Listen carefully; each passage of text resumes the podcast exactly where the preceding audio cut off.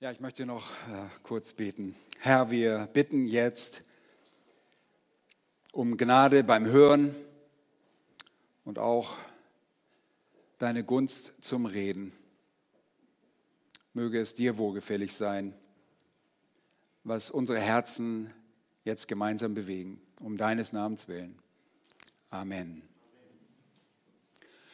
Nun, heute Nachmittag folge ich mit meiner Predigt einem weltweiten Aufruf der Grace Community Church durch Pastor John MacArthur über das Thema der biblischen Sexualmoral. Vielleicht wundert ihr euch, warum springt Borchmann mit seinen Predigtthemen so rum? Nun, der Anlass zu diesem Aufruf war die Bitte eines kanadischen Pastors, der sich per E-Mail an John MacArthur wandte und um Unterstützung bat, weil am 8. Januar also etwas vor einer Woche, ein Gesetz in Kanada erlassen wurde, das die Freiheit der Christen in ihrer Glaubensausübung einzuschränken droht. Eine Veränderung hinsichtlich der sexuellen Moral der Menschen veranlasste diese Gesetzgebung. Und das erlassene Gesetz verbietet sogenannte Konversionstherapien in Kanada. Vereinfacht gesagt, und ich fasse es wirklich nur zusammen, sonst ist das meine Predigt schon gefüllt, wenn ich das alles erklären würde. Aber vereinfacht gesagt geht es dabei um ein Verbot jeg jeglicher Versuche, homosexuelle und transgeschlechtliche Menschen heilen zu wollen. Mit anderen Worten sind jegliche Vorgehensweisen, alle Maßnahmen, Therapien und Behandlung zur Umpolung dieser Menschen verboten. Nun, das betrifft uns augenscheinlich nicht einmal, könnte man meinen, aber das sehen gottlose Menschen anders. Und ich bitte euch von vornherein, mich bei meinen Ausführungen nicht falsch zu verstehen. Als Christen besitzen wir kein Mandat, kein Auftrag, eine kulturelle Veränderung der Moral herbeizuführen. Wir nehmen wohl zur Kenntnis, dass unsere Gesellschaft durch eine gottlose Moral gekennzeichnet ist. Wir sind nicht blind und wir nehmen diese Dinge wahr, aber wir sind nicht dazu berufen, gesellschaftliche Umstände und Zustände zu beseitigen oder Maßnahmen zu einer Umkehr, zu einer besseren Moral in die Wege zu leiten. Unser Mandat besteht im Dienst der Versöhnung. Wir sind dazu aufgerufen, das Wort der Versöhnung zu verkündigen. Wir sind dazu aufgerufen, das Evangelium von Jesus Christus zu predigen. Es ist nicht Moral, die wir predigen, sondern die Versöhnung mit Gott durch Jesus Christus. Und das ist das Zeugnis des Evangeliums. Wir predigen Sündern, damit sie Buße tun und Gott folgen. Wir predigen den Gottlosen kein Verhaltenskodex, um eine gute Moral im Volke zu erlangen. Wir haben weder einen zivil noch einen strafrechtlichen Auftrag in dieser Gesellschaft. Wir gehören in den Herrschaftsbereich Gottes. Und wir gehören in sein Reich und unterstehen nicht dem Fürsten der Finsternis, dem, Welt dieser, dem Gott dieser Welt, Satan. Nun, es besteht kein Zweifel, dass uns die Moral in unserem Land nicht gefällt. Das kann uns auch nicht gefallen, denn sie gefällt Gott auch nicht. Und es ist nur logisch, dass die Moral deshalb auch allen wahren Gläubigen nicht gefallen kann. Und als Kinder Gottes sind wir sogar gegen Konversionstherapien, denn die darunter verstandenen Versuche gleichen einem menschlichen Rettungsversuch, eine Hämorrhagie, eine Starkblutung mit einem Pflaster abzudecken. Ich meine, wer macht das?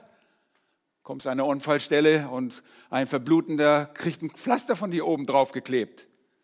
Nein, eine tödliche Wunde muss nicht überklebt werden, sondern die Ursache muss behoben werden. Wir gehen nicht mit Symptomen um, sondern mit deren ursächlicher Sünde.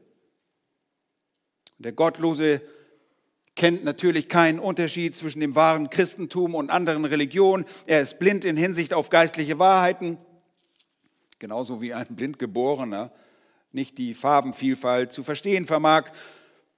so kann der Gottlose Geistliches nicht wahrnehmen. Und deshalb der Gottlose wird die biblische Verkündigung und die damit einhergehende Seelsorge unter den Kindern Gottes als ein Verstoß gegen das Konversionstherapienverbot ansehen. Und das ist das Problem. Bereits in Kanada wird es Einschränkungen geben für die biblische Seelsorge in Gemeinden, weil ein sogenanntes Umpolungsverbot in ihren Augen bei dieser Seelsorge stattfindet. Nun, ich richte mich mit meiner Botschaft heute primär an euch, die Kinder Gottes, weil die Gefahr besteht, dass wir uns durch die Ansichten der Welt in unseren Überzeugungen beirren lassen. Aber wenn ihr tatsächlich Kinder Gottes seid, dann versteht ihr nicht nur eure Verehrung, sondern ihr korrigiert diese auch Kraft des Heiligen Geistes und werdet ein anderes heiliges Leben führen. Ihr könnt das Wort Gottes verstehen und auch entsprechend leben. Aber es ist auch mein Gebet, dass Sünder durch diese Botschaft, durch das Evangelium, Befreiung von der versklavenden Sünde erfahren. Egal, wie diese sich im Leben auch manifestiert haben mag, Gottes Rettungskraft reicht tief hinunter zu der tiefsten Sünde eines Menschen. Nun, die Basis für die unveränderliche Sexualmoral legte Gott gleich zu Beginn seiner Schöpfung. Das ist mein erster Punkt. Gott schuf zwei Geschlechter. Ich muss nur eine Hand heben, sonst sind es vier. Zwei Geschlechter. Da ist eine eindeutig paarweise, eine binäre Schöpfung. In den ersten Kapiteln der Bibel und speziell 1. Mose Kapitel 1 und Vers 27 lernen wir gleich über Gottes Vorstellung in Hinsicht auf seine Geschlechterordnung. Seine Vorstellung davon ist die binäre, die doppelte, die paarweise. Sie beinhaltet zwei Geschlechter. Es gibt nur Mann und es gibt nur Frau. Da heißt es, Gott schuf den Menschen in seinem Bild. Im Bild Gottes schuf er ihn. Als Mann und Frau schuf er sie. Gottes Schöpfung offenbart alles, was wir über die Anzahl der Geschlechter wissen müssen. Im Verlauf der Menschheitsgeschichte macht Gott deutlich, dass es keine Evolution der Geschlechter gibt, es gibt keine Weiterentwicklung und auch keine sprunghafte Wesensänderung der Menschen. Und auch in dem zweiten Kapitel von 1. Mose wird eine klare Unterscheidung zweier Geschlechter ersichtlich. Zuerst schafft Gott den Mann. Kapitel 2 und Vers 7, da bildete Gott Jahwe den Menschen Staub von der Erde und blies den Odem des Lebens in seine Nase und so wurde der Mensch eine lebendige Seele. Nun, dieser Mann wurde Adam genannt und war der, das erste Geschöpf Gottes, das erste menschliche Geschöpf Gottes aus dem Staub der Erde geformt. Ferner heißt es dann in Vers 18 desselben Kapitels, und Gott Jahwe sprach, es ist nicht gut, dass der Mensch allein sei. Ich will ihm eine Gehilfin machen, die ihm entspricht. Nun, der Mann brauchte ein Gegenüber, eine passende Person und die war weiblich, eine Frau. Ich meine, ist nicht so schwierig, oder? Gott erklärt, dass es so sein sollte. Er schuf die Frau für den Mann und nicht den Mann für die Frau. Auch das wird deutlich. Und um alle potenziellen Zweifel in Hinsicht auf die beiden Geschlechter der Menschen zu beseitigen, beschreibt Gott eben die Details dieser Schöpfung. Die Geschlechter unterschieden sich darin, dass die Frau nicht vom Staub der Erde, sondern aus der Rippe des Mannes geschaffen wurde. Und ich weiß, es wird oftmals zum Gespött gemacht, aber so beschreibt uns die Bibel es. Wir lesen 1. Mose 2 und Vers 21, da ließ Gott Jahwe einen tiefen Schlaf auf den Menschen fallen. Das ist der Mann. Und während er schlief, nahm er eine seiner Rippen und verschloss ihre Stelle mit Fleisch. Und Gott Jahwe bildete die Rippe, die er von dem Menschen genommen hatte, zu einer Frau und brachte sie zu dem Menschen. Und da sprach der Mensch, das ist endlich Gebein von meinem Gebein und Fleisch von meinem Fleisch. Die soll Männin heißen, denn vom Mann ist sie genommen. Darum wird ein Mann seinen Vater und seine Mutter verlassen und seiner Frau anhängen und sie werden ein Fleisch sein. Was kann man daran nicht verstehen? Im Neuen Testament ist es der Herr Jesus, der diese Wahrheiten der binären Geschlechtlichkeit unterstreicht. Er wiederholt es. Während seines irdischen Dienstes, und zwar sogar im Markus-Evangelium, sagt mir nicht, ich habe das Markus-Evangelium verlassen, Kapitel 10, Vers 6, betont er die Erschaffung der zwei Geschlechter. Da heißt es am Anfang der Schöpfung, aber hat Gott sie als Mann und Frau erschaffen. Das Geschlecht eines Menschen kann somit, wie bereits erwähnt, auch keiner Veränderung unterworfen sein. Es findet keine geschlechtliche Metamorphose statt. Auch entscheidet nicht das subjektive Gefühl eines Menschen darüber, welches Geschlecht er besitzt. Dieses Denken ist der Bibel fern. Das Geschlecht ist nicht ein Thema, das in den Augen Gottes frei zur Debatte steht. Es ist nicht flexibel, es ist schon gar nicht ungewiss. Es wurde von Gott in seinem ewigen Ratschluss her bestimmt. Es wurde bestimmt, wer du und wer ich sein sollte. König David schreibt wunderbar im Psalm 139, deine Augen sagen mich schon als ungeformten Kein. Und in dein Buch waren geschrieben alle Tage, die noch werden sollten, als noch keiner von ihnen war. Meint ihr, Gott war überrascht? Unser Gott hat vollständige Kenntnis und Wissen. Es ist ein aktives Wissen, das so eingreift, dass ein ewiger Ratschluss zustande kommt. Du bist kein Zufallsprodukt und du bist auch keine Laune der Natur. Jesaja 46, Vers 10 heißt es, das sagt Jahwe, ich verkündige von Anfang an das Ende und von der Vorzeit her, was noch nicht geschehen ist. Ich sage, mein Ratschluss soll zustande kommen und alles, was mir gefällt, werde ich vollbringen. Nun, es hat Gott gefallen, dir Leben als Mann oder Frau zu schenken, als Junge oder als Mädchen. Und allen Eltern von Kindern, sofern sie bei der Geburt ihrer Kinder leben, wird spätestens nach der Entbindung ihres Kindes deutlich, welches Geschlecht ihr Kind besitzt. Mit fortgeschrittenen Technologien kann man das natürlich auch schon vorher sehen und erfahren. Das Geschlecht kann man jeweils auch durch die Chromosomen eines Menschen erkennen. Nun, wie geht das?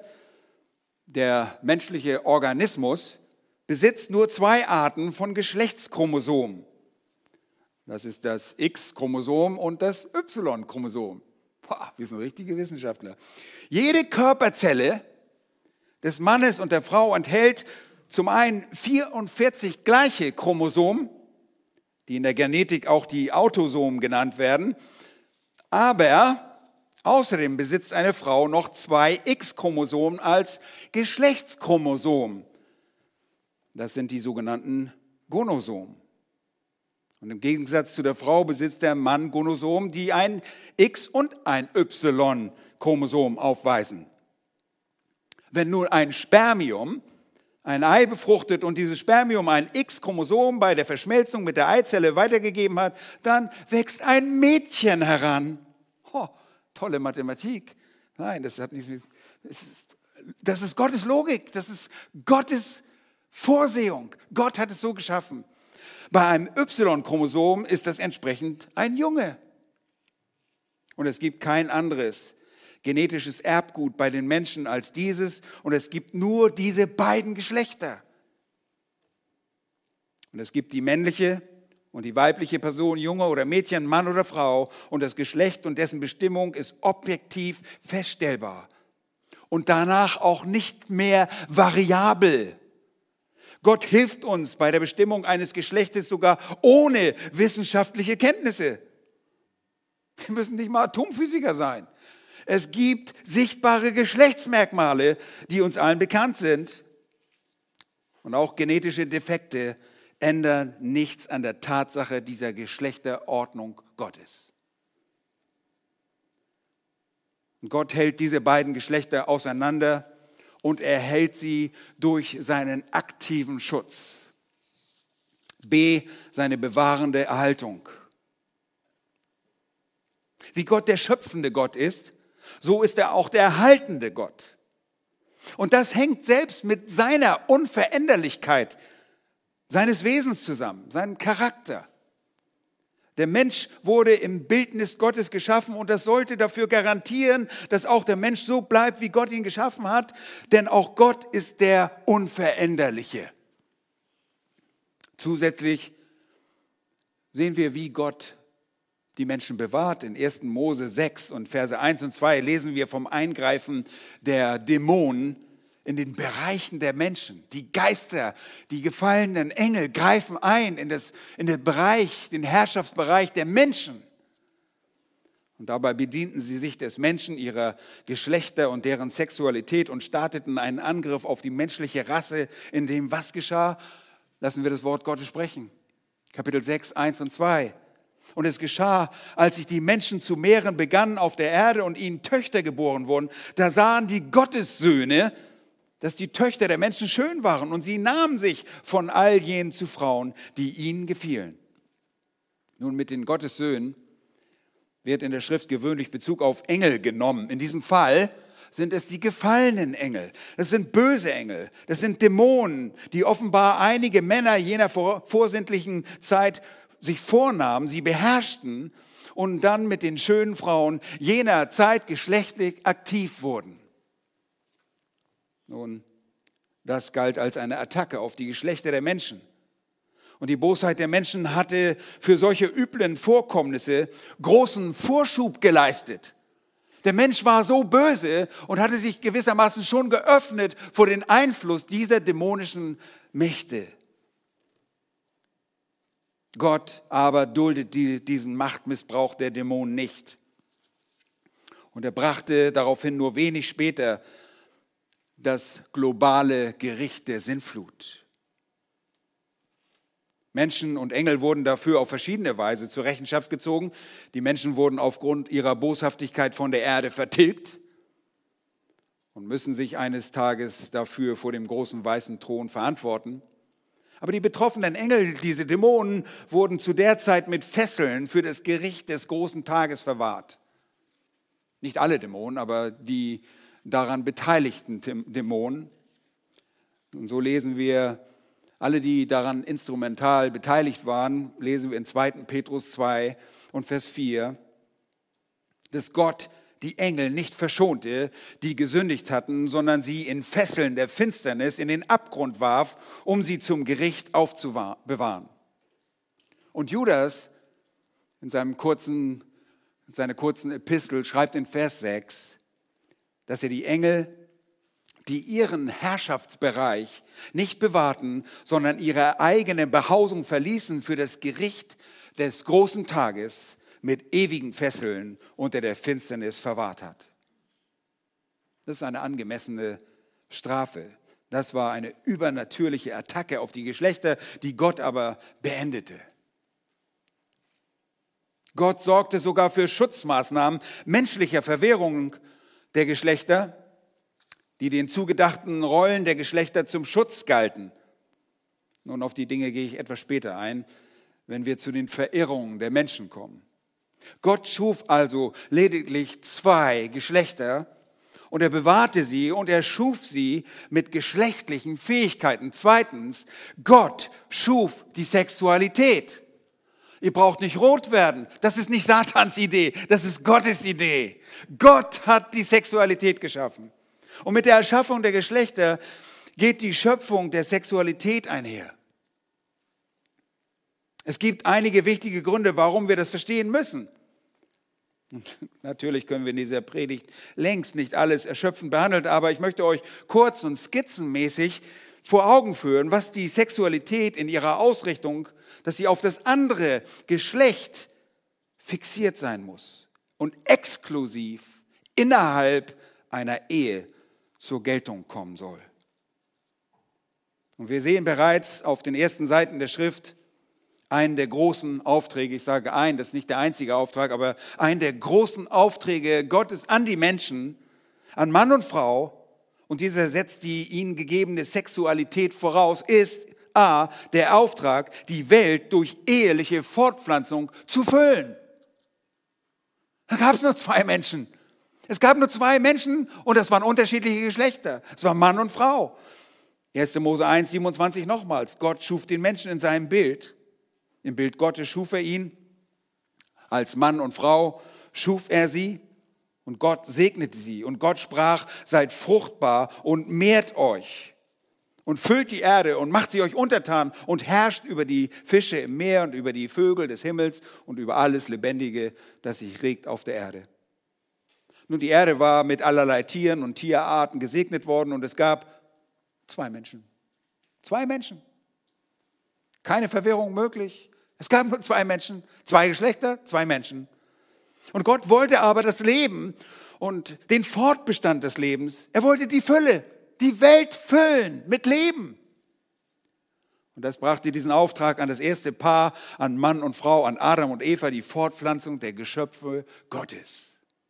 Und so schuf Gott Mann und Frau und damit die Sexualität als das Mittel, durch das die Erde mit Leben der Menschen gefüllt werden sollte.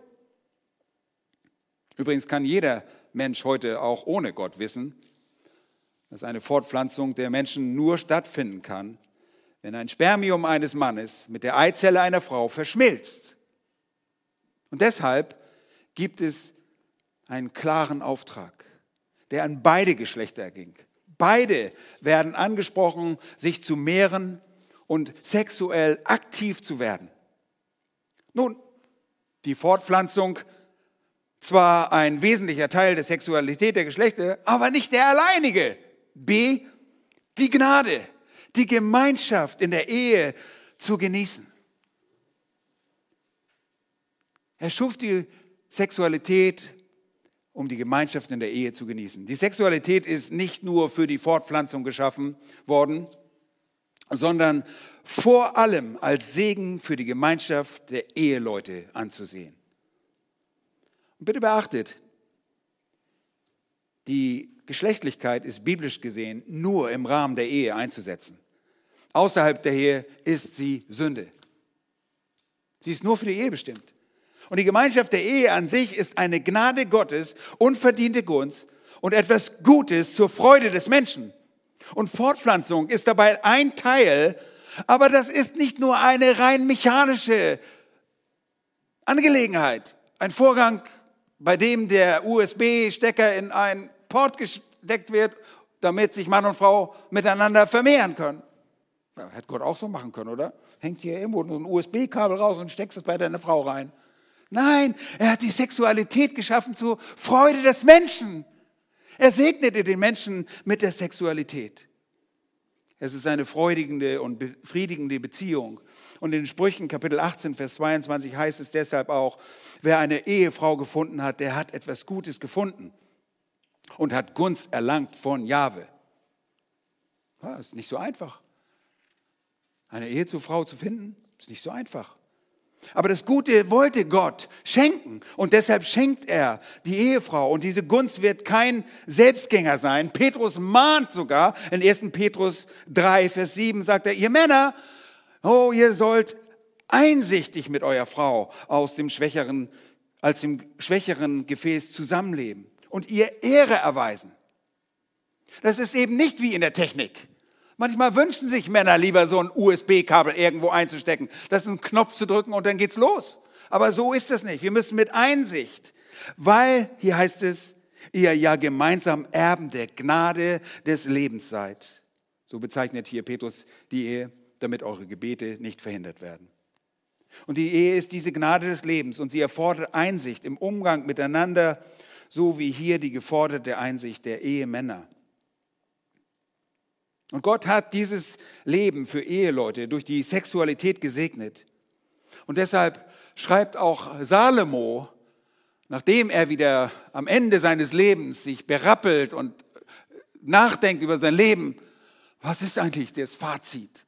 Er sagt in Prediger 9, Vers 9, genieße das Leben mit deiner Frau, die du liebst. alle Tage deines nichtigen Lebens, das er dir unter der Sonne gegeben hat, alle deine nichtigen Tage hindurch, denn das ist dein Anteil in diesem Leben und in der Mühe, womit du dich abmühst unter der Sonne. Oh, das hört sich so wunderbar an. Aber ihr Lieben, das setzt voraus, dass die Ehepartner auch auf Gott hören und in einer geistlichen Gesinnung der ehelichen Pflicht mit Freudigkeit nachkommen. Oh, das ist doch selbstverständlich. Oh, ist das selbstverständlich? Ja, dann redet mal mit Seelsorgern. Das ist nicht so selbstverständlich. Paulus mahnt deshalb im ersten Korintherbrief in Kapitel 7, Vers 5, entzieht euch einander nicht, außer nach Übereinkunft eine Zeit lang, damit ihr euch dem Fasten und dem Gebet widmen könnt. No, gebt mal zu, ihr seid doch keine Marathonbeter. Wie lange betet ihr denn? Und so lange dürft ihr euch enthalten. Dann kommt wieder zusammen. Da sagt er, kommt wieder zusammen, damit euch der Satan nicht versucht, um eurer Unenthaltsamkeit willen. Leben die Vernachlässigung dieser und anderer Anweisungen in Hinsicht auf die Sexualität bringt oft sehr großes Leid mit sich. Ehebruch und Unzucht aufgrund mangelnder Beherrschung sind häufig die Folge von ehelicher Vernachlässigung und vor allem bei sexueller Vernachlässigung zwischen Ehepartnern. Die Sexualität ist ein Segen. C. Der Zweck. Gottes Beziehung durch die Ehe zu illustrieren. Und wie ich euch schon sagte, wir können uns nicht sehr viel Zeit für die einzelnen Punkte nehmen, aber Gott zielt mit der Zusammenkunft der zwei Geschlechter nicht nur auf die Vermehrung ab, er segnet nicht nur die sexuelle Gemeinschaft zwischen Mann und Frau mit Freude, sondern er beabsichtigt durch die mit der Sexualität gesegnete Ehe als ein Zeichen einzusetzen. Er will durch das eheliche Verhältnis von Mann und Frau zueinander seine Beziehung zu seiner erlösten Gemeinde verdeutlichen. Hm. Ich sagte, das, das schafft so viel, eine ganz andere Einstellung in uns, wenn wir daran denken. Hört einmal genau hin, was die Worte des Paulus sind dort in Epheser 5 ab Vers 22. Da sagt er, ihr Frauen, wir fangen bei den Frauen an. Der Mann wurde zuerst geschaffen, also fangen wir jetzt bei der Frau an. Frauen, ordnet euch euren eigenen Männern unter als dem Herrn. Denn der Mann ist das Haupt der Frau, wie auch der Christus das Haupt der Gemeinde ist. Und er ist der Retter des Leibes. Wie nun die Gemeinde, hört mal genau zu, wie nun die Gemeinde sich dem Christus unterordnet, so auch die Frauen ihren eigenen Männern in allem. Lass das nicht weg. In allem. Was? Ich soll mich in allem meinem Mann unterordnen? In allem, ja, tatsächlich. Nein, du kannst das nicht ernst meinen. Doch, das sagt Gott. Das sagt nicht ich. Das lese ich deshalb aus der Bibel vor. Weil sonst würde dir sagen, das ist Bräuchmanns Idee. Nein, das ist Gottes Idee. Die Frauen sollen sich in allem unterordnen. Das steht da so. Ja, aber weißt du nicht, dass, natürlich wissen wir das. Wenn dein Mann dich zur Sünde verleitet, ordnest du dich nicht unter. Ist ganz klar. Das wissen wir auch. Aber das müssen wir nicht wiederholen. Paulus tut das auch nicht. Also in allem. Liebe Ehefrauen, Ihr repräsentiert in eurer Ehe die Gemeinde Gottes. In deiner Ehe ist dein eigener Mann das Haupt, den du dich in allen, in allen Dingen unterordnen sollst. Meine Güte. Wo findest du so eine Frau? Naja, wenn dich nun als solche in würdiger Weise deinem Mann unterordnest, dann illustrierst du damit die Unterordnung der Gemeinde unter ihr Haupt, nämlich unter Christus. Und jeder, der dich anguckt als Ehefrau und sagt, boah, guck mal, so ist die Gemeinde Gottes. So soll die Gemeinde Gottes sein. Die Gemeinde Gottes soll genau sein wie diese Ehefrau. Habt ihr das mal gesehen, wie die das machen? Die Frau, die gehorcht ihrem Mann, die ordnet sich unter. Das heißt nicht nur gehorchen, aber die dient ihrem Mann, die ist so herzlich, die liest ihm alles ab. Nun, wir hier, die Bibelgemeinde, wollen alles tun, was Christus sagt. Und wir wollen dem Wort, Wort des Christus, weil er unser Haupt ist. Liebe Ehefrauen, tut das auch in euren Ehen. Egal, ob öffentlich, für andere Menschen sichtbar oder im Verborgenen für die himmlischen Heerscharen wahrnehmbar. Sie gucken zu. Und glaubt mir nicht, dass die aus eurem Schlafzimmer abhauen. Die sind da. Ich weiß, ihr könnt auf dem Vorhang da aufhängen, das sehen die trotzdem. Ihr habt immer eine Verantwortung. Immer. Weiter sagt Paulus, ihr Männer, und jetzt kriegen die Männer ihr Fett. Ihr Männer, liebt eure Frauen, gleich wie auch der Christus die Gemeinde geliebt hat und sich selbst für sie hingegeben hat, damit er sie heilige, nachdem er sie gereinigt hat durch das Wasserbad im Wort, damit er sie sich selbst darstelle als eine Gemeinde, die etwas, die herrlich sei, so dass sie weder Flecken noch Runzel noch etwas Ähnliches habe, sondern dass sie heilig und tadellos sei. Ebenso sind die Männer verpflichtet, ihre eigenen Frauen zu lieben, wie ihre eigenen Leiber. Wer seine Frau liebt, der liebt sich selbst. Wird deutlich, oder? Hey, du sollst nicht irgendeine andere Frau lieben, du sollst deine eigene Frau lieben. Und zwar wie dich selbst. Hey, du gehst nicht zu diesem Luxusarzt und zu dem Orthopäden und du schickst deine Frau zum Tierarzt. Das geht nicht. Nein, du sollst sie lieben wie dich selbst. Du suchst die besten Qualität auch für deine Frau. Denn niemand hat je sein eigenes Fleisch gehasst, sondern ernährt und pflegt es gleich wie der Herr die Gemeinde. Denn wir sind Glieder seines Leibes, von seinem Fleisch und von seinem Gebein. Und dann sagt er, deshalb wird ein Mann seinen Vater und seine Mutter verlassen und seiner Frau anhängen. Und die zwei werden ein Fleisch sein. Wisst ihr, was das ist? Das ist eine heterosexuelle Beziehung, die dann stattfindet. Und die zwei werden eins sein. So bezeichnet Gott es. Und das wird nicht nur in der Sexualität, aber besonders in der Sexualität und dem Produkt, nämlich den Kindern, deutlich. Da kommt nämlich ein neues Lebewesen zum Vorschein. Und dieses Geheimnis ist groß, sagt Paulus. Ich aber deute es auf Christus und die Gemeinde. Doch auch ihr, jeder von euch, liebe seine Frau, so wie sich selbst. Die Frau aber erweise dem Mann Ehrfurcht. Also als Ehemänner haben wir den noch größeren Auftrag, nämlich unsere Frauen so zu lieben, wie Christus die Gemeinde geliebt hat und immer noch liebt. Er hat nicht aufgehört. Er könnte sagen, ja, einmal am Kreuz hat er sie geliebt. Nein, er liebt sie immer noch. Er liebt seine Gemeinde. Wir repräsentieren in unseren Ehen als Ehemann den Herrn Jesus Christus. Und wenn Menschen uns ansehen, dann müssen sie in uns, in den Ehemännern, den Christus sehen. Und sie sagen, so ist Jesus? Oh, meine Güte. Und will ich an den glauben? An den Jesus? So wie der Ehemann ist? Oh. oh, wir sind oft überführt, oder? Als Ehemänner. Da haben die Frauen das schon einfacher. Aber sein Umgang mit seiner Braut muss uns Ehemännern zur Norm werden. Und das erstreckt sich auf alle Bereiche der Gemeinschaft mit unseren Ehefrauen. Und das schließt die intimste Beziehung mit ein. Unser Herr möchte in jedem Fall, dass die Beziehung eine freudige ist und eine innige und eine Einheit ist. Denn die Freude an Jahwe ist auch unsere Stärke. Es ist nicht eine lästige Last. Die Sexualität ist zur Fortpflanzung, zur Vermehrung, zur ehelichen Freude sowie zur Festigung einer zur Illustration brauchbaren Ehe. Lasst uns diesen Anweisungen mit allem Eifer folgen und die Zeit auskaufen, wenn eure Berufung die der Ehe ist. Nun lasst uns schnell noch in einem kurzen Moment die Dauer dieser Beziehung ansehen. D, die Dauer, die Begrenzung ist das irdische Leben. Die Ehe ist eine irdische Einrichtung Gottes. Und damit auch nicht nur das Geschlecht bleibt irdisch, sondern, äh, sondern die Sexualität ist eine irdische Funktion. Sie kann manchmal schon durch das Sterben eines Ehepartners enden aber gewiss hat sie ein Ende, wenn du selbst stirbst. Es sei denn, du heiratest wieder. Außerdem werden wir im verherrlichten Zustand selbst nicht mehr eine sexuelle Rolle haben.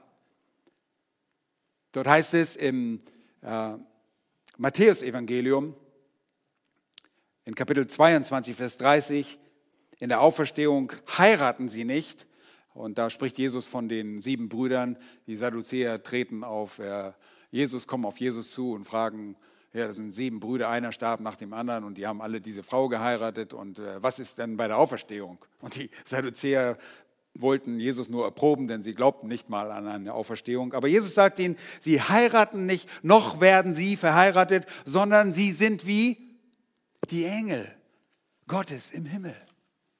Okay, und von den Engeln wissen wir, da gibt es keine Hochzeiten im Himmel. Im Himmel ist wer unser Bräutigam? Der Herr Jesus Christus selbst. Die Sexualität ist also ein rein irdisches Geschenk für die Dauer der Erdenjahre und sie wird bei Weitem übertroffen von der Beziehung, die wir zu Christus, unserem Bräutigam, haben, werden in der Ewigkeit. Und schon jetzt ist es eine höhere Beziehung, nur erachten wir das oftmals nicht so. Nun drittens, geschlechtliche Verehrung durch die Sünde. Und nach dem Sündenfall ist der Mensch von sich aus unfähig, Gott zu gefallen. Und er ist von Natur aus und Geburt an ein Sünder. Er ist versklavt in der Sünde der, seiner Gottlosigkeit. Und so drückt sich das in dem Leben der Nachkommen Adams aus, auf die unterschiedlichste Art und Weise. Und bereits bei Kain wird dieses unsagbare Dilemma auf schrecklichste Weise deutlich, als der erste Mensch, der geboren wird, zum was wird? Zum Mörder. Der Mensch ist boshaft verirrt und er ist ohne eine Beziehung zu Gott, dem bösen Sprudeln seines Herzens, aus dem kommt nämlich alles Böse, und dem Zeitgeist der Gottlosigkeit einfach hilflos ausgeliefert. Und so begegnen wir auch früh in der Geschichte der Menschheit die Verehrung in Hinsicht auf die Sexualmoral Gottes. Erstens, die Ehe als polygame Beziehung. Eine frühe Verehrung, die zwar nicht die Geschlechter und die Ehe mit Bezug auf ihre Heterosexualität verwehrt, aber deren eindeutige Bestimmung als monogame, als Einehe verachtet, ist die Polygamie, die Vielehe, die auch die Bigamie, eine Doppelehe einschließt. Gott sieht die Ehe zwischen einem Mann und einer Frau als korrekt vor. Und eine Verehrung finden wir bereits im ersten Buch Mose, Kapitel 4, Vers 19. Statt von der monogamen Beziehung zu einer und an, an einer Frau festzuhalten, bedient sich ein gewisser Lamech und nimmt sich zwei Frauen. Doppelt hält besser, denkt er. Vers 19, Lamech aber nahm sich zwei Frauen, die eine hieß Ada, die andere Zilla. Nun, die Ehe als eine polygame Beziehung wird offenbar in der Zeit der Erzväter kulturell geduldet und das, obwohl die Schäden und Konsequenzen daraus allen Lesern der Bibel offenbar sein dürfte. Und so lesen wir selbst bei Jakob, gerade die Geschichten von Jakob wieder zusammen gelesen mit meiner Frau, äh, dass er nur, dass er vier Frauen, zu vier Frauen eine sexuelle Beziehung unterhält und die zwölf Söhne Jakobs aus diesen, aus diesen Beziehungen hervorgehen. Nun, die ungeteilte Aufmerksamkeit, die eine eheliche Gemeinschaft erfordert, ging somit für Jakob und auch für diese Frauen verloren. Und wir lesen davon. Es ist traurig, es ist sehr traurig. Leider müssen wir auch später von der Vielweiberei, von der Vielehe auch bei David und Salomo beobachten. Wir sehen, dass menschlich fehlbare Könige regierten, die nie das erreichten konnten, was das Gesetz forderte, Sündlosigkeit, Perfektion. Und diese polygamen Beziehungen dieser Männer brachten viel, viel Leid. Für unseren Gott Unehre und es führte letztlich zur Verschlimmerung im Volk Israel, zu dessen Gericht durch die Nation. Aber ich möchte mich nicht zu lange daran festhalten, weil dieses Thema momentan auch noch nicht gesetzlich oder eine legalisierte Form in Deutschland gibt. Aber es ist durchaus denkbar, dass es auch kommt. B. Die Ehe als unzureichend ansehen. Die Unzufriedenheit mit der Ehe führte überall und zu jeder Zeit in der Geschichte der Menschheit zu Unzucht und Hurerei, zu Übertritten, Menschen waren und sind heute nicht gewillt, verbindliche Entscheidungen und Bünde einzugehen und zu halten. Sie verzichteten und verzichten deshalb immer noch von vornherein auf den Ehebund und leben einfach wie was? Wie Tiere, ihre Lust aus. Und das geht sogar mit ihrer Lebensanschauung einher. Denn sie sehen sich nur als ein höher entwickeltes Tier an. Nun, das ist der Bibel fern. Sie verzichten und verzichteten deshalb immer von vornherein auf diese Ehe. Ohne die für sie bestehende Last eines ehelichen Bundes und die für sie potenziell wahrscheinlichen und mit der Ehe verbundenen Schwierigkeiten einer Scheidung wollen sie einfach frei bleiben. Das ist doch viel besser. Und so hangeln sie sich häufig durch mehrere Beziehungen und werden häufig durch eine von ihnen erlebte Monotonie und durch unersättliche Gier zu anderen amoralischen Verbindungen gezogen. So zum Beispiel die Gleichgeschlechtlichkeit. Das ist nicht immer eine Folge davon, aber die Gleichgeschlechtlichkeit C. Die Sexualität außerhalb der Ehe, so sagt Gott, ist Sünde und diese ist nur zwischen Mann und Frau zulässig. Gottes unveränderliche Moral in Hinsicht auf gleichgeschlechtliche Beziehungen kommt in der Gesetzgebung für Israel sogar schon davor zum Ausdruck. Vor der Gesetzgebung. Wir wissen um Sodom und Gomorra, aber in dritten Buch Mose lesen wir deutliche Worte Gottes. Ich betone das, so spricht die Bibel. Das ist nicht ein Gefühl von einem Pastor oder ein, eine Meinung, die ich vertrete, sondern ich stehe hier und lese die Worte des lebendigen Gottes. Da heißt es, du sollst bei keinem Mann liegen, wie man bei einer Frau liegt. Denn das ist ein Gräuel.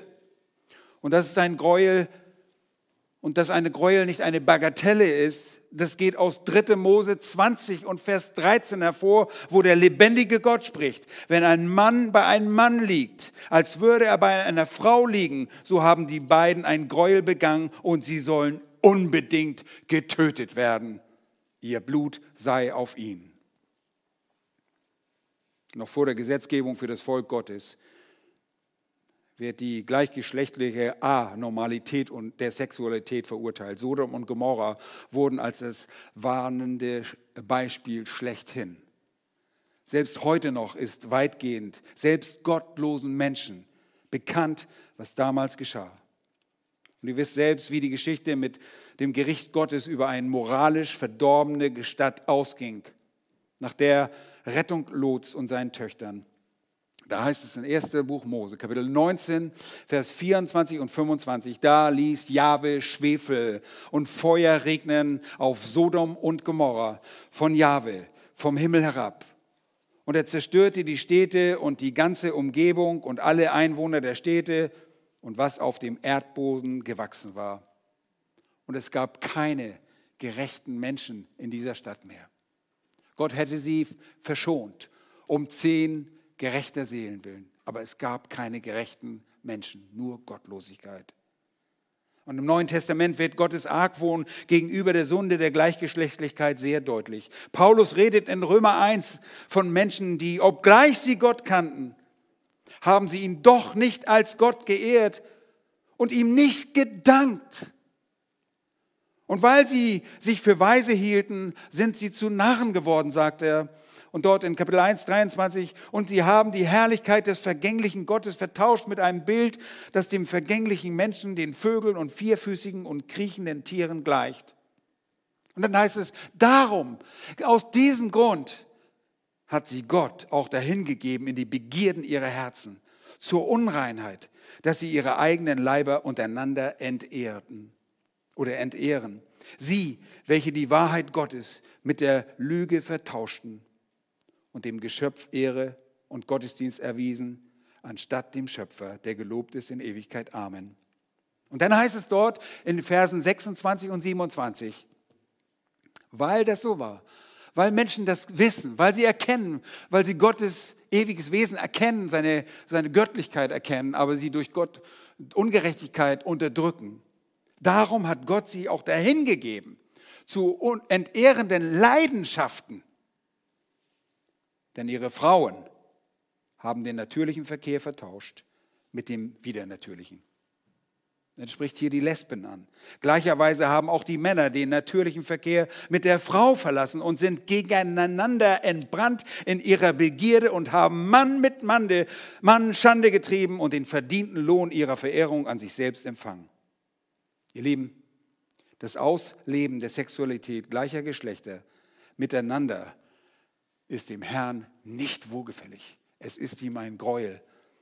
Und es ist auch nicht die Andeutung einer Verwirrung der Geschlechter, wie bei einem Transvestitismus, den er liebt.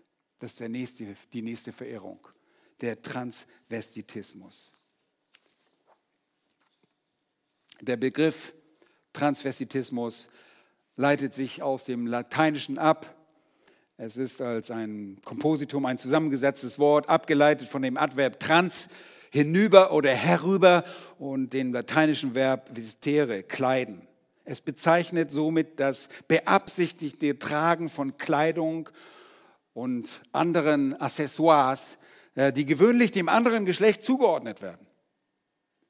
Und das trifft zum Beispiel zu, wenn ein Mann sich bewusst wie eine Frau anzieht.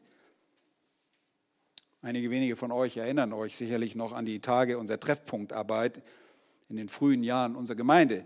Und dort hatten wir für eine Weile einen solchen Mann als Besucher, der für ein paar Wochen zu uns kam und er hatte immer Röcke an. Er trug Röcke, kleidete sich wie eine Frau. Männer und Frauen sollen sich unterscheiden. Es gefällt Gott nicht, wenn wir dieses Crossdressing, wie es auch genannt wird, praktizieren. Männer und Frauen, die das Verlangen nach Transvestitismus haben, sind manchmal bi oder homosexuell, manchmal auch heterosexuell in ihrer Ausrichtung, aber sie sind vor allem verwirrt in Bezug auf das Geschlecht. Und Gott hatte den Israel klare Anweisungen diesbezüglich gegeben. In 5. Mose Kapitel 22 lesen wir in Vers 5, eine Frau soll keine Männersachen auf sich haben und ein Mann soll keine Frauenkleider anziehen, denn jeder, der dies tut, ist Jahwe, deinem Gott, ein Gräuel. Und extreme Kreise sagen, oh, siehst du, da haben wir es, du darfst keine Hosen anziehen als Frau, das darfst du nicht. Das ist damit nicht gemeint. Es hat gesagt, es muss ein Unterschied ausmachbar sein. Frauen dürfen als Frauen erkennbar sein. Wenn wir dreimal hingucken müssen, ob ich weiß, ob du eine Frau bist, weil du dich bewusst so kleidest wie eine Frau, obwohl du ein Mann bist, dann machst du etwas verkehrt. Gott möchte, dass die Geschlechter sich in Hinsicht auf den Kleidungsstil eindeutig unterscheiden. Und es geht dabei im Klartext dass man zwischen Mann und Frau deutlich unterscheiden kann. Paulus schreibt den Korinthern in 1. Korinther 11, Vers 14, lehrt euch nicht schon die Natur, dass es für einen Mann ist, eine Unehre, langes Haar zu tragen? Ich meine, manchmal drehen sich andere Männer, die nicht äh, homosexuell sind, nach anderen Männern um, weil sie denken, das war eine Frau. Und dann, ups, uh, man sollte sich gar nicht umdrehen. Man sollte sich gar nicht umdrehen. Auch das ist ein Versagen. Nun, dagegen ist es eine Frau eine Ehre, wenn sie langes Haar trägt, denn das lange Haar ist ihr anstelle eines Schleiers gegeben, heißt es dort in diesem Kontext. Nun, der Transvestitismus drückt nicht nur eine Unzufriedenheit aus, sondern ist Rebellion gegen Gott und gegen seine Schöpfungsordnung.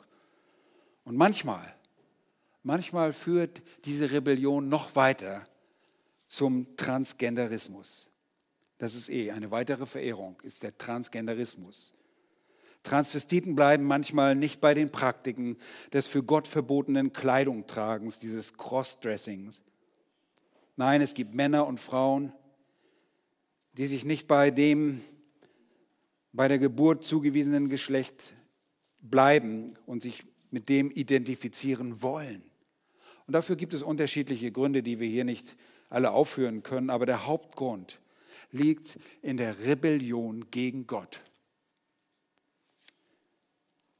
Und weil sie nicht nur nicht mit dem von Gott zugewiesenen Geschlecht sich identifizieren wollen und auch ihre Gefühle sie in den Entscheidungen ähm, des Lebens dominieren, streben sie geschlechtsangleichende Maßnahmen an. Und das geschieht dann häufig mit medizinischer Unterstützung und chirurgischen Eingriffen und ich sage bewusst Eingriffe, plural, weil selten eine einmalige OP dazu ausreicht, eine äußerliche Geschlechtsumwandlung vorzunehmen.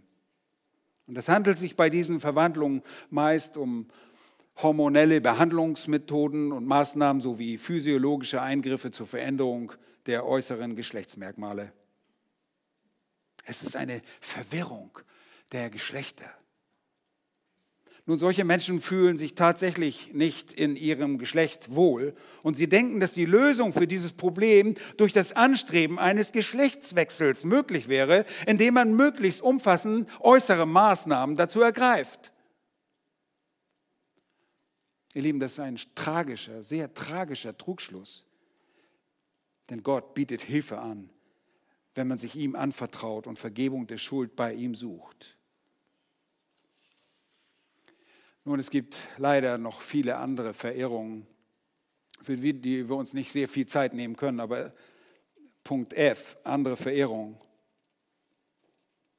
Ich kann hier eine Reihe aufzählen, aber die Zeit für die Erklärung dazu nicht, wird nicht reichen.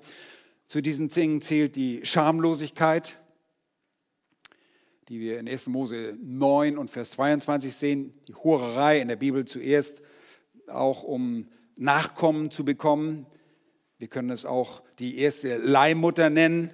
Ihr wisst, als Abraham zu seiner Magd äh, Hagar einging, es war ein klares moralisches Versagen.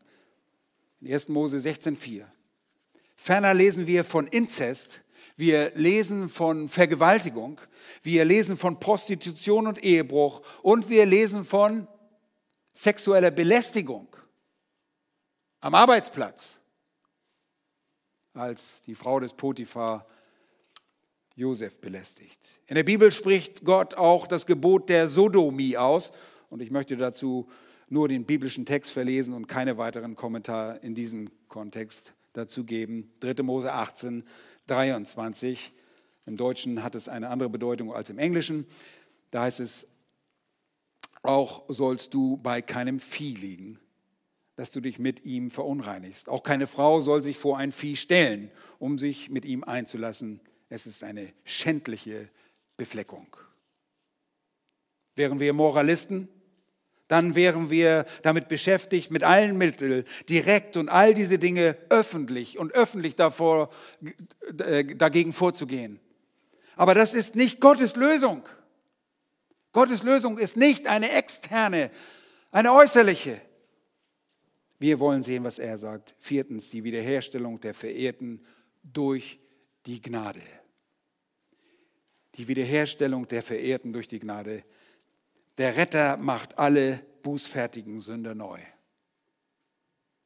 Darf ich das nochmal lesen? Das geht runter wie Butter. Der Retter macht alle bußfertigen Sünder neu. Ihr Liebe, die Sünde ist ein gravierendes Problem des Menschen. Und zwar das Problem aller Menschen. Selbst König Salomo sagt im ersten Buch Könige, Kapitel 8, Vers 46, sagt er, es gibt keinen Menschen, der nicht sündigt.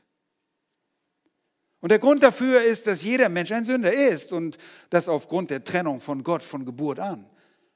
Und die Folge davon beschreibt uns Jesaja in Kapitel 53.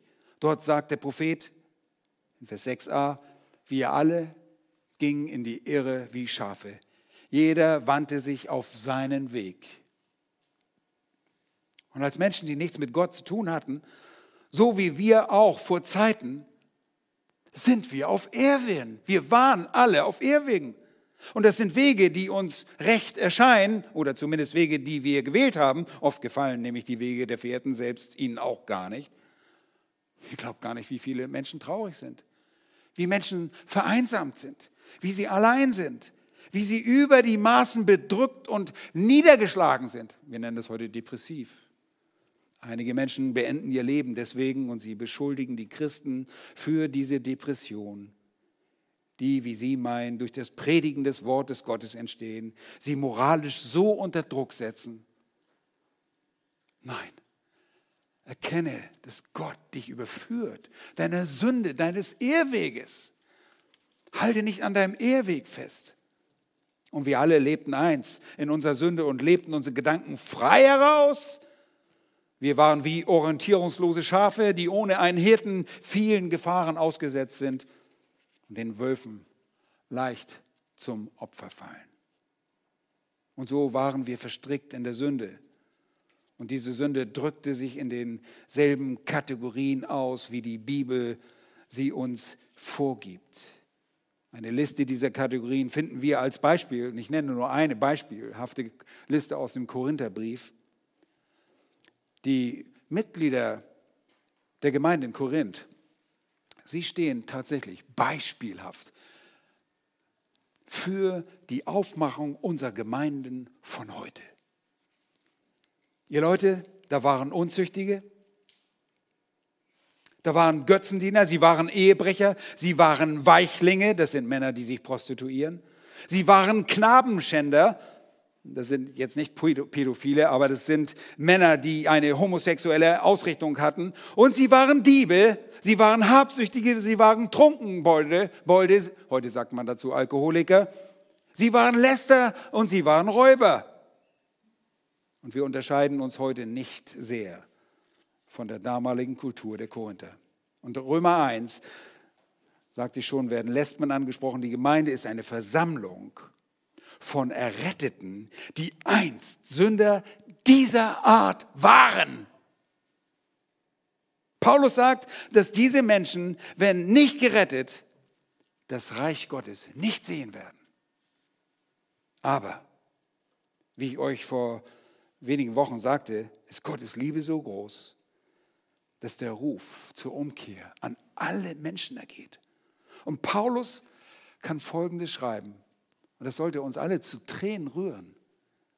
Nachdem er die abscheulichen Kategorien aufzählte, sagt er dort im 1. Korintherbrief, Kapitel 6 und Vers 11, und solche, solche sind etliche oder einige von euch gewesen, aber ihr seid abgewaschen, ihr seid geheiligt, ihr seid gerechtfertigt worden in dem Namen des Herrn Jesus und dem Geist unseres Gottes. Und vielleicht hast du die Verderbtheit deiner Sünde noch nicht so erkannt. Und du musst dich auch nicht in jedem Detail dieser Kategorien wiederfinden, aber du bist ein Sünder, sagt die Bibel. Egal woher du kommst, egal wie hoch du von dir denkst, du bist ein Sünder. Und vielleicht bist du auch jetzt in deinen eigenen Augen gar nicht mehr so schlecht, weil du immer gedacht hast, oh, die anderen, oh, sind ja schlimme Sünder, oh, ist ja noch schlimmer. Und du vergleichst dich ständig mit dem, was ich dir gerade vorgelesen habe und sagst, oh, so schlimm bin ich gar nicht. Ich bin ja ganz gut. Lass dir Folgendes sagen. Du fehlst mannigfaltig und weit. Du erreichst in keiner Hinsicht die Herrlichkeit Gottes. Wir alle, sagt die Bibel, sind Sünder. Es ist kein Unterschied. Aber eines muss dir gesagt werden. Du bist ein Sünder, egal mit welcher Symptomatik. Nicht ein Stück näher bist du am Reich Gottes als der abscheulichste Sünder in der oben genannten Liste. Wenn du nicht in der Gnade Gottes stehst, Vergebung deiner Sünden durch Jesus Christus erfahren hast, kannst du noch so moralisch äußerlich dastehen. Du gehst in dieselbe Hölle. Du gehst in dieselbe Verdammnis wie diese Menschen. Wenn du nicht in der Gnade Gottes stehst, Vergebung deiner Sünden hast, dann bist du ein verurteilter Mensch. Aber heute, heute ist der Tag des Heils. Und es kann das auch für dich sein, wenn du deine Knie beugst, egal woher du kommst. Heute kannst du mit deiner Sünden, mit deinem ganzen Sündenpaket, ihr Lieben, wir müssen gar nicht alle Sünden aufzählen, das können wir gar nicht. Keine Chance. Du hast nie die Chance, deine ganzen Sünden aufzusehen. Du kommst mit einem ganzen Paket und sagst, Herr, hier ist mein Paket. Ich bin ein abscheulicher Sünder. Ich bekenne dir meine Schuld. Ich möchte diese Schuld lassen und ich möchte dir nachfolgen. Du kannst deine Sünden bekennen und er wird dir Vergebung schenken. Er wird dein Leben verändern und du wirst ihm im Gehorsam folgen. Nun, du wirst es nicht perfekt machen. Wir als Kinder Gottes tun es auch nicht perfekt. Und ich sagte euch, ich spreche uns an, denn auch wir können uns verirren. Tue Buße, auch als Kind Gottes. Vielleicht hast du auch Gefühle in die Richtung, dass du vielleicht fühlst und denkst, Mensch, bin ich eigentlich normal? Du bist normal, aber du bist ein Sünder. Und die Gefühle eines Sünders sind niemals die Norm für den Handeln wenn du dich zum gleichen Geschlecht hingezogen fühlst, dann ist das nicht das Ende für dich. Dann bekennst du das dem Herrn. Und es kann sein, dass es auch ein Kampf wird, aber du kannst es dem Herrn anvertrauen. Wir müssen anderen Gefühlen widerstehen. Einige Leute haben grundsätzlich das Verlangen zu klauen. Ich weiß, einige von euch können das nicht nachvollziehen, aber es gibt Leute, die können nichts rumliegen sehen. Die denken, oh, das, das geht mit. Ja? Und jetzt bin ich aber Christ. Oh, lass ich mal liegen. Ich bin Christ. Ich brauche das nicht. Ich muss mir immer sagen, nein, das brauche ich nicht. Ich lasse das liegen. Und so ist es genauso.